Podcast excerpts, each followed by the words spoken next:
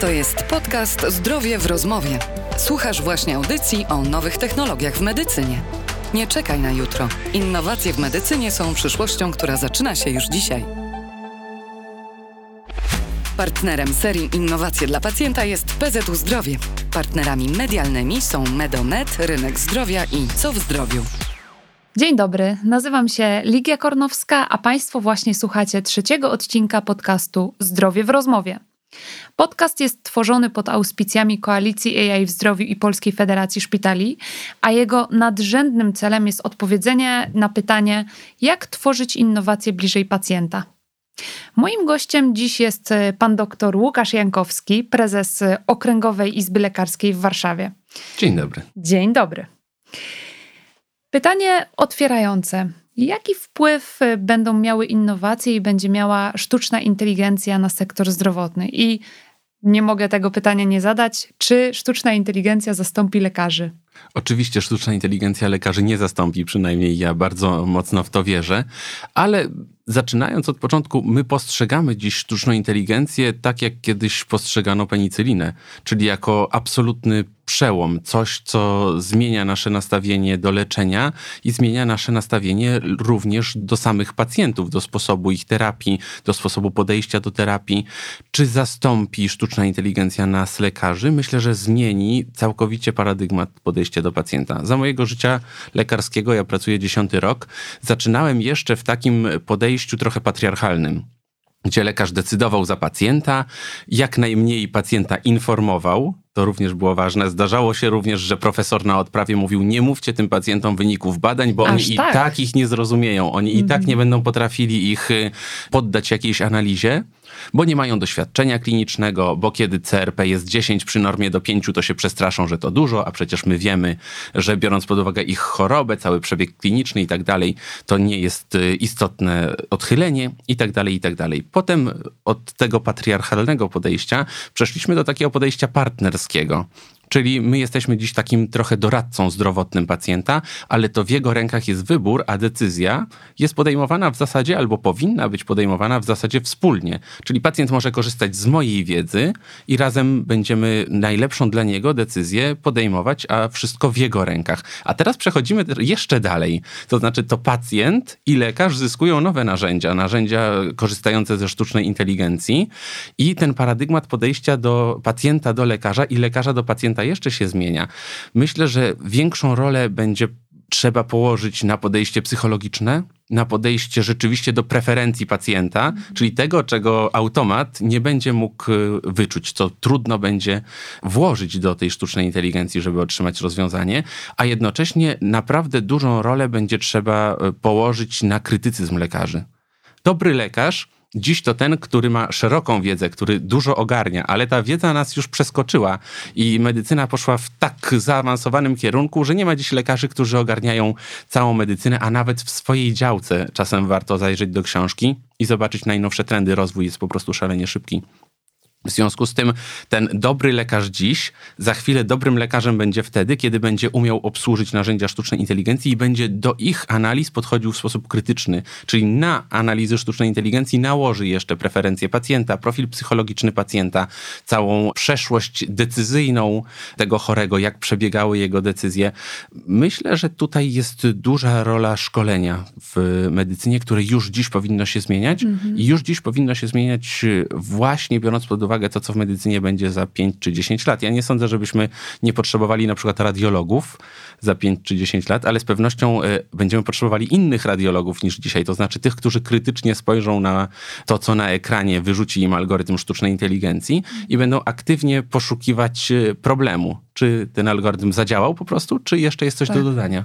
To wspaniała e, wizja, kiedy lekarze korzystający z innowacji będą krytyczni, będą brać pod uwagę preferencje pacjenta, przeszłość pacjenta i będą wspólnie z pacjentem podejmować decyzje. Czyli mówimy o takiej sytuacji, kiedy innowacje zmieniają tą relację, czy wpływają na zmianę tej relacji na partnerską. A z drugiej strony będzie trudniej, bo przed nami no siądzie właśnie. pacjent, który wyposażony w algorytmy sztucznej inteligencji sam sobie e, postawi diagnozę diagnozę. Już dzisiaj walczymy z doktorem Googlem, tak. który no, poniekąd Google korzysta dziś z algorytmów sztucznej inteligencji, ale jeszcze nie jest tak skuteczny i nie zastępuje lekarza, ale za chwilę przed nami zasiądzie naprawdę wyedukowany pacjent, tak, który z będzie... Z innymi potrzebami tak niż jest. pacjent y, nawet sprzed 10 lat. A proszę mi powiedzieć, jak lekarze sobie radzą z tą zmianą? Czy oni nie boją się innowacji i tej właśnie ogromnej zmiany, która przychodzi? My do wszystkich innowacji podchodzimy w sposób krytyczny i z wątpliwościami. I myślę, że to dobrze, dlatego że dzięki tym wątpliwościom, które się pojawiają, poszukujemy aktywnie odpowiedzi na nasze wątpliwości. No i koniec końców zostają z nami te innowacje, które są dla nas naprawdę przydatne i które w konsekwencji odbijają się in plus na zdrowiu pacjenta. Trzeba powiedzieć, że nam najbardziej zależy i taki jest cel nadrzędny na tym, żeby pacjent wyszedł z gabinetu lekarskiego uzdrowiony albo już na ścieżce leczenia, czyli to zdrowie jest celem. Nie jest celem korzystanie z jak największej ilości innowacji. Co z tego, że będę obstawiony komputerami, kiedy pacjent wyjdzie niezadowolony, bo tutaj też y, myślę, że większy nacisk będziemy musieli położyć na jakość y, kontaktu z pacjentem, na zaufanie, ale też po prostu niewyleczony. W związku z tym traktujemy to jako narzędzie, wybieramy dzisiaj te narzędzia, które najbardziej będą pasować nam do naszej pracy, no i liczymy, i to chyba jest nasze optymistyczne podejście, na szybki rozwój y, narzędzi z zakresu sztucznej inteligencji, bo one sądzę, że odciążą nas też w wielu czynnościach, które dzisiaj podejmujemy, a których moglibyśmy nie podejmować. Przecież lekarzy dzisiaj w Polsce jest za mało. Ale demografia też nam nie pomaga. Jest grupa lekarzy, która podchodzi już do tak mało zaawansowanych narzędzi jak e-recepta czy czy e-zwolnienie mm -hmm. w sposób krytyczny, z wątpliwościami. Każda zmiana powoduje pewien protest na początku i konieczność dostosowania się do tego. Dlatego tym bardziej warto dzisiaj rozmawiać z rektorami uczelni medycznych już wprowadzać pewne standardy nauczania dostosowane do tego, co czeka nas w przyszłości. Dzisiaj musimy kształcić lekarzy przyszłości. Bo mhm. inaczej za 10 lat obudzimy się nie tylko w niedostosowaniu prawnym, ale też z narzędziami, z których tak naprawdę nie będziemy umieli korzystać. Czyli lekarz e, jest ostrożny przy wprowadzaniu innowacji, natomiast jeśli zobaczy, że ta innowacja jest efektywna i wpływa na polepszenie jakości opieki nad pacjentem i wpływa pozytywnie na zdrowie tego pacjenta, będzie chciał z takiej innowacji korzystać. Natomiast musimy oczywiście zadbać o wykształcenie cyfrowe lekarzy, o całą edukację cyfrową już nie tylko lekarzy, ale całego personelu medycznego i pacjentów. A jakie działania dotyczące innowacji w medycynie, w jakie działania angażuje się Okręgowa Izba Lekarska w Warszawie? Okręgowa Izba Lekarska stara się iść z duchem czasu. My jesteśmy samorządem lekarzy i lekarzy dentystów, ale to oznacza również, że y, wszyscy lekarze i lekarze dentyści z obrębu Izby Lekarskiej, czyli w obrębie całego Mazowsza to jest 33 tysiące osób, tworzą ten samorząd. Widzimy, że naszą rolą jest dostarczenie lekarzom e, wiarygodnej wiedzy na temat tego, jak będzie zmieniał się świat i robimy to poprzez kursy, poprzez szkolenia. Mieliśmy duże szkolenia z zakresu sztucznej inteligencji. Staramy się przy wdrożeniu nowych narzędzi z zakresu IT również komunikować się z lekarzami, szkolić ich. Powołaliśmy zespół do spraw studiów strategicznych, który ma wypracować z naszej lekarskiej strony pewną nie powiedziałbym może strategię, ale wizję tego, jak my lekarze chcielibyśmy, żeby wprowadzano AI w zdrowiu. Myślę, że to byłoby fajnym dopełnieniem tego, co między innymi Państwo robicie, budując pewną spójną strategię działań dla sztucznej inteligencji w medycynie. My chcielibyśmy do tego dołączyć nasz lekarski głos i myślę, że w przyszłym roku ten zespół zakończy pracę i będziemy mogli spotkać się być może na kolejnym podcaście i pochwalić się efektami tego działania. Nie chcemy zostać z tyłu, nie chcemy zostać w ogonie. Widzimy widzimy swoją rolę jako pewnego łącznika między właśnie pionierami w wprowadzaniu nowoczesnych technologii w zdrowiu, a lekarzami, czyli końcowym użytkownikiem systemu.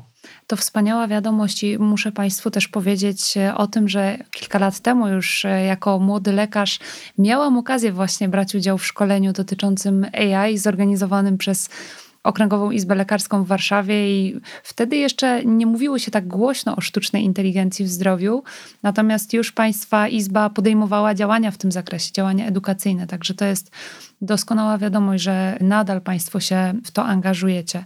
A Lekarz proszę... musi być po prostu przygotowany do tego, co będzie tak, się działo za chwilę. Tak, tak.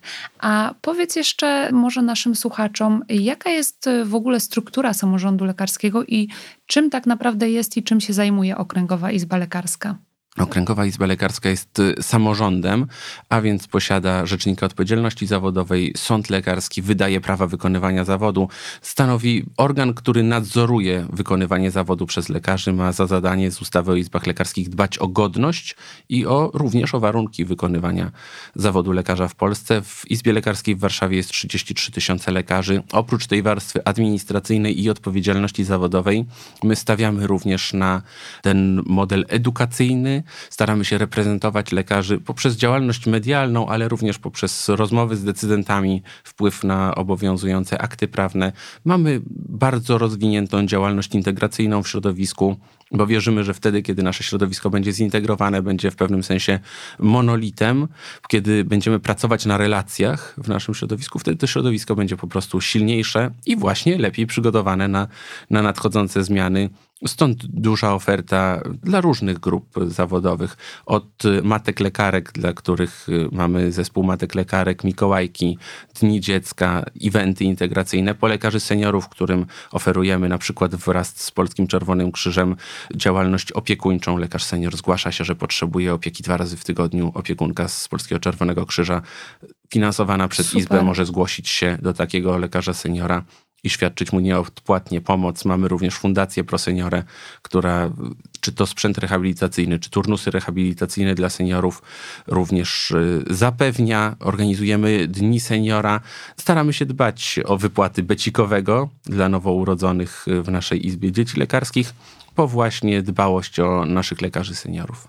Czy do Izby Lekarskiej wpływają jakieś zastrzeżenia dotyczące stosowania innowacji? Pamiętam, jak właśnie wspomniałeś o wdrażaniu y, e-recepty. Pamiętam, że to podejście lekarzy do samej e-recepty było bardzo zróżnicowane. Jednocześnie, jak została wprowadzona, to w zasadzie trzy miesiące później wybuchła pandemia i nie było głośnego głosu sprzeciwu do e-recepty. I wszyscy wręcz dziękowali przecie, przeciwnie, tak. dokładnie, wszyscy dziękowali. Czy wpływają do Was takie uwagi? Wpływa dość dużo skarg pacjentów, jeżeli chodzi o samą teleporadę. Mhm. Wydaje mi się, że pacjenci nie do końca czasem rozumieją, jakie ograniczenia ma dzisiaj teleporada, a może odejdźmy od sformułowania teleporada, jakie ograniczenia ma rozmowa telefoniczna z lekarzem tak. w stosunku do wizyty w gabinecie lekarskim. I ze, z niezrozumienia tych ograniczeń tej metody biorą się skargi, które są zgłaszane również do Rzecznika Odpowiedzialności Zawodowej. My w każdym przypadku taką sprawę rozpatrujemy. Jeżeli jest zasadna, to kierujemy sprawę dalej do sądu lekarskiego. Zdarzają się również pytania od naszych kolegów lekarzy odnośnie, no właśnie, kierunku, w którym y, zmierza cyfryzacja, odnośnie użyteczności danych y, programów. Mamy bardzo mało już w tej chwili zapytań czy problemów z e-receptą czy e-zwolnieniem. Myślę, że te akurat y, rozwiązania weszły na stałe do repertuaru lekarskiego i bardzo dobrze, bo ułatwiają pracę. Czy lekarz w ogóle będzie miał możliwość, czy będzie to możliwe, żeby w przyszłości zadecydował, że nie będzie korzystać z innowacji takich jak sztuczna inteligencja czy innych? I właśnie... Pytasz, czy idziemy drogą dostosuj się lub odejdź z zawodu, D- tak? Dokładnie. I co zrobić z brakiem kompetencji cyfrowych właśnie wśród personelu medycznego? Dzisiaj nadal mamy możliwość wypisywania na przykład recept papierowych. Sęk w tym, że to sami pacjenci wymuszają na nas trochę dostosowanie się do nowoczesnych technologii i myślę, że taka będzie droga. To znaczy nie będziemy ani my jako korporacja zawodowa, ani nawet ustawodawca naciskać na lekarzy, szczególnie na lekarzy seniorów, którzy przecież potrzebują czasu, żeby wdrożyć się do nowoczesnych rozwiązań. Naciskać za to będą pacjenci. I to już się dzieje. Dziś, jeżeli jakiś lekarz wystawia tylko recepty papierowe, to sami pacjenci wymuszają na nim e, fakt, żeby jednak scyfryzował swoją praktykę i zaczął wystawiać e-recepty, co nie jest w zasadzie trudne, jeżeli poświęci się temu chwilę czasu i my też szkolimy tutaj głównie lekarzy seniorów. Tak samo jest z e-zwolnieniem, które jest przecież ułatwiające życie pacjentom. Myślę, że kolejne innowacje będą, jeżeli lekarz się do nich nie zastosuje, będą kończyły się ze strony pacjenta z kwitowaniem, to pan doktor tego nie stosuje stosuje, to u pana doktora tego nie ma, a u mojej sąsiadki to doktor szybciej postawił diagnozę, a ona już nie musi chodzić po papierową receptę, więc to świat wymusi to podejście, dostosuj się, jeżeli chcesz y, pracować dalej w zawodzie. I myślę, że to też bardzo słusznie, bo odbiorcą tych wszystkich innowacji, ale też naszych działań jest pacjent i jego zdrowie. Jeżeli coś może odbić się pozytywnie na zdrowiu lub jakości życia pacjenta, to dobrze, że to będzie wprowadzone. Czyli pacjenci będą motorem innowacji. I to jest e, teza, która bardzo często się przewija i faktycznie tak się dzieje. Pacjenci wymagają już stosowania nowych technologii, wymagają pewnego takiego cyfrowego, przyszłościowego podejścia do leczenia, co też jest dobrym zjawiskiem. No, Natomiast... Za chwilę pacjent będzie chciał mieć swojego lekarza w telefonie. Dokładnie. Tak jak to dziś się dzieje, kiedy mamy znajomego lekarza na Messengerze, pytamy go, przesyłamy zdjęcia. Myślę, że ten model opieki będzie szedł właśnie w kierunku takiej opieki bardziej osobistej, personalnej, indywidualnej. Dzisiaj mówimy mój dietetyk, mój terapeuta, tak. niektórzy mówią, mój trener personalny. Mój za chwilę będzie mówił mój lekarz. Myślę, że to jest przyszłość. Ale do tej przyszłości my musimy się też dostosować bo dziś jesteśmy przyzwyczajeni do kolejki pacjentów przed gabinetem i jednak małej personalizacji tego leczenia. To zależy bardziej od lekarza, a tu już system wymusi tę personalizację. Ale wtedy powinno być nas więcej, a jeśli nie będzie nas więcej, to proszę wymyślcie coś, co użyje sztucznej inteligencji, co pomoże nam w sposób bardziej wydajny pracować. No właśnie, to jak pogodzić ten szybki rozwój technologiczny i potrzeby też pacjenta, z drugiej strony z potrzebą gruntownego przebadania nowych technologii. Mamy fake newsy związane związane ze szczepionką, która dzięki naprawdę dużemu wysiłkowi i technologicznemu, intelektualnemu mogła się pojawić i pomóc e, w pandemii. Natomiast dużo jest e, takich zastrzeżeń w fake newsach związanych z tym, że pojawiła się szybko. Z drugiej strony, Mamy medycynę opartą na dowodach i chcemy się kierować tymi dowodami przy wdrażaniu innowacji, a jednocześnie startupy, tworząc różne rozwiązania, bardzo szybko chcą rewolucjonizować ochronę zdrowia. Jak pogodzić te dwa podejścia, jak uniknąć właśnie jakichś nieprawidłowych informacji, które się pojawiają? No, przyznaję, że mam z tym problem. Gdyby dzisiaj na stronie NFZ-u pojawił się korzystający ze sztucznej inteligencji y, wychwytywacz fake newsów, gdzie mogłabyś no wpisać coś, a on pisałby na przykład fake news, albo nie fake news, to sądzę, że część, część pacjentów i tak nie uwierzyłaby w takie, w takie narzędzie bo uznałaby, że to NFZ steruje tym wykrywaczem fake newsów, a więc jest to już e, wiedza z drugiej strony barykady i na przykład antyszczepionkowcy mogliby nie uwierzyć w wiedzę medyczną krzewioną przez taki wykrywacz fake newsów, tak jak nie wierzą dzisiaj w wiedzę medyczną krzewioną przez badania naukowe i autorytety medyczne. Nie wiem, czy tędy jest droga do rozwiązania e, problemu fake newsów. Myślę, że tą drogą jest jednak personalizacja opieki. Mhm. Widzę to na oddziale, kiedy y, mówimy ogólnie o pandemii, to pacjenci bardzo często mówią, bo pandemii nie ma, bo to jest spisek firm farmaceutycznych, bo to lekarze, oni zalecają i tak dalej. Ale kiedy pada na konkretny przykład, a kto zachęca, czy ja pana zachęcam w jakiś sposób i już pojawia się konkretna twarz człowieka, to pacjent nagle staje i mówi, nie, nie, doktorze, ja panu ufam. Widzę, że pan wie, co robi, w związku z tym nawiązuje się ta nić porozumienia i ona jest odpowiedzią na fake newsy. Jeżeli mamy lekarza, któremu ufamy, że przesiał te wszystkie informacje, które teraz się dzieją, może nawet skorzysta z narzędzi y, z AI i przesieje dla nas te informacje, biorąc pod uwagę swoje doświadczenie, wtedy mu zaufamy i nie będziemy skłonni do wierzenia fake newsom. Czyli jest potrzebna ta twarz, ten osobisty kontakt z człowiekiem, nie z programem komputerowym. I dlatego AI nie zastąpi lekarzy. Tak, Dobrze, że do tak. tego doszliśmy. Chociaż y, jest y, program finansowany między innymi przez NCBIR związany z stworzeniem algorytmu sztucznej inteligencji do zwalczania fake newsów.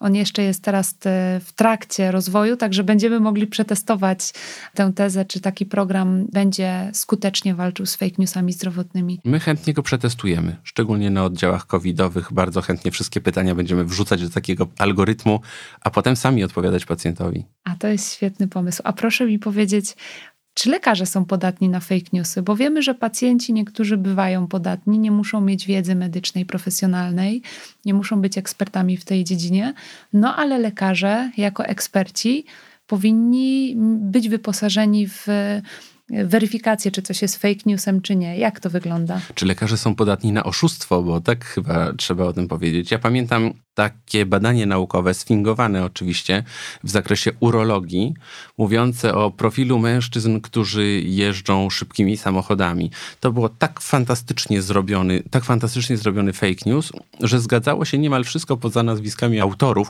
na które ktoś nałożył nazwiska aktorów. Właśnie, mhm. ale strona z periodyku medycznego wyglądała łudząco podobnie. I przyznam, że kiedy było kolportowane na Facebooku przez na przykład specjalistów e, tej dziedziny, to zaczynało, przez to również, że jest kolportowane przez osobę, mm -hmm. która jest autorytetem, tak. zaczynało e, żyć, zaczynało nabierać pewnej wagi. Więc tak, my nie jesteśmy chronieni przed fake newsami. Zalew informacji jest tak ogromny, a pomysły na oszukanie lekarzy i oszukanie pacjentów są już tak wyrafinowane, że naprawdę potrzeba czasu, żeby przyjrzeć się każdej informacji i tutaj również algorytmy sztucznej inteligencji mogłyby nam pomóc, wyłapując właśnie oczywiste, tak jak w przypadku tego artykułu, oczywiste omyłki czy jakieś sygnały, które świadczą o tym, że jest to czysty fake news. A ile lekarzy jest zaszczepionych przeciwko COVID-19? Ostatnie dane mówią, że powyżej 90% lekarzy jest zaszczepionych przeciwko COVID-19. Czyli jednak y, nawet y, jeśli mówimy o bardziej o oszustwach niż fake newsach, lekarze są odporni i większość zdecydowanie ma tą podstawę opartą na evidence-based medicine, czyli tą medycynę opartą na faktach. Tak, i rzeczywiście widzimy, że ci pacjenci, z którymi rozmawiam, a którzy są niezaszczepieni, to wcale nie są antyszczepionkowcy. To są osoby, którym po prostu na którymś etapie zabrakło wiedzy albo kontaktu z osobą, która tę wiedzę posiada i mogłaby wyjaśnić ich wątpliwości, która miałaby czas na to, żeby z nimi porozmawiać. Więc tutaj fake newsy muszą też, to jasne, padać na podatny grunt, a najlepszym gruntem jest tam, gdzie nie ma żadnej podbudowy wiedzy medycznej. Tak, czyli też powinniśmy dbać o to, żeby zapewnić pacjentowi dostęp do profesjonalnej albo takiej półprofesjonalnej wiedzy medycznej, żeby też miał e, z jakich źródeł czerpać informacje, nie tylko z źródeł, które właśnie kolportują fake newsy. Ja mam jeszcze takie pytanie w związku z opieką nad pacjentem i algorytmami sztucznej inteligencji, bo znam historię sprzed 300 lat albo może jeszcze dalej, kiedy były wykorzystywane termometry w medycynie, lekarze mieli duże zastrzeżenie, żeby taki termometr mógł używać samodzielnie pacjent. Oczywiście dzisiaj to jest sprawa wręcz oczywista. Każdy z nas albo większość z nas ma termometry we własnym domu i, i w pewnym zakresie te pewne e, czynności związane z opieką zdrowotną podejmuje samodzielnie, bez e, udziału lekarza. I będziemy mieć e, sytuację, gdzie algorytmy sztucznej inteligencji będą mogły, już w zasadzie mogą, wystawiać wstępne diagnozy albo oceniać pewne badania diagnostyczne, czy nawet sugerować leczenie. Czy pacjent będzie mógł korzystać z tych narzędzi bez udziału lekarza? Myślę, że jeżeli będziemy do tego przygotowani, my lekarze i pacjenci również, to dojdziemy do momentu, w którym naprzeciwko siebie, a może inaczej obok siebie, razem stanie lekarz wyposażony w takie narzędzie i pacjent, ale muszą dysponować czasem, żeby móc przedyskutować to, co wyszło z tych narzędzi i razem optymalnie wybrać standard leczenia. I to zgadza się z tym, o czym mówiłem na początku, że my staniemy się doradcami zdrowotnymi, krytycznie patrzącymi na to, co wyjdzie nam z komputera czy też z algorytmów sztucznej inteligencji. Cóż, taka będzie nasza rola i musimy się do niej po prostu przygotować. Ale to dobrze, że nie będziemy skazani na leczenie oparte o bezduszne programy komputerowe. Nie sądzę, żeby było tak skuteczne jak leczenie oparte o bezduszne programy i lekarza wyposażonego w empatię i pomysł na to, jak to leczenie prowadzić. Czyli rozumienie sztucznej inteligencji AI nie jako artificial intelligence, sztucznej inteligencji, tylko AI jako augmented intelligence, czyli rozszerzonej inteligencji, która najlepiej współpracuje właśnie, kiedy jest ta inteligencja komputerowa i inteligencja ludzka razem. Oboje jesteśmy fanami innowacji, w związku z tym doskonale spuentowaliśmy tę rozmowę. Tak. To ja mam jeszcze ostatnie pytanie. Jaka w Twojej ocenie innowacja jest najciekawsza i najważniejsza w tym momencie i jaka technologia w najbliższej przyszłości będzie najbardziej przełomowa? Skupiłbym się właśnie na tym, żeby lekarz był dostępny może nie w każdym momencie, ale dostępny na wyciągnięcie ręki i na lekarzu, który sprawowałby personalizowaną opiekę nad pacjentem. Trochę w kierunku koordynatora takiego zdrowotnego, naszego lekarza, który jest y, zaufany i do którego mamy dostęp, no, tym razem w smartfonie. Być może nie w każdym momencie, może o jakichś godzinach dnia, ale takie technologie, które przybliżą lekarzy do pacjentów, one moim zdaniem są przyszłością. Czyli żebyśmy mieli taką sytuację, gdzie każdy pacjent będzie mógł powiedzieć mój lekarz. Mój lekarz. A druga technologia, która jest moim zdaniem bardzo ważna, to zastąpienie grup które w tej chwili się tworzą na Facebooku, w których lekarze wymieniają się opiniami, czy nawet starają się konsultować trudne przypadki, jakimś zinstytucjonalizowanym systemem konsultacji, na przykład lekarz rodzinny i lekarz klinicysta czyli zbliżenie tych dwóch y, lekarzy, tych dwóch specjalistów, które spowoduje, że będą mogli w czasie rzeczywistym, nawet y, z pacjentem siedzącym w gabinecie, połączyć się po prostu ze specjalistą w odległej klinice, skonsultować przypadek i wydać zalecenia.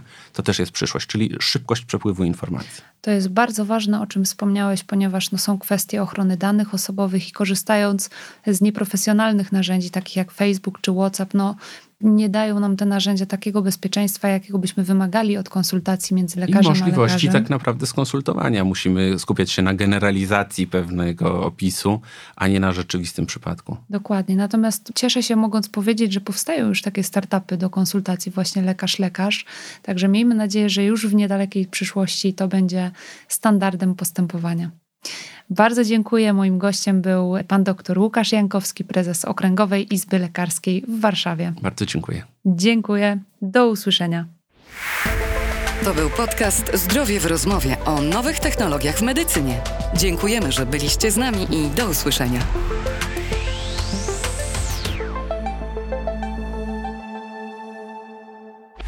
Partnerem serii Innowacje dla Pacjenta jest PZU Zdrowie. Partnerami medialnymi są Medomed, Rynek Zdrowia i Co w Zdrowiu.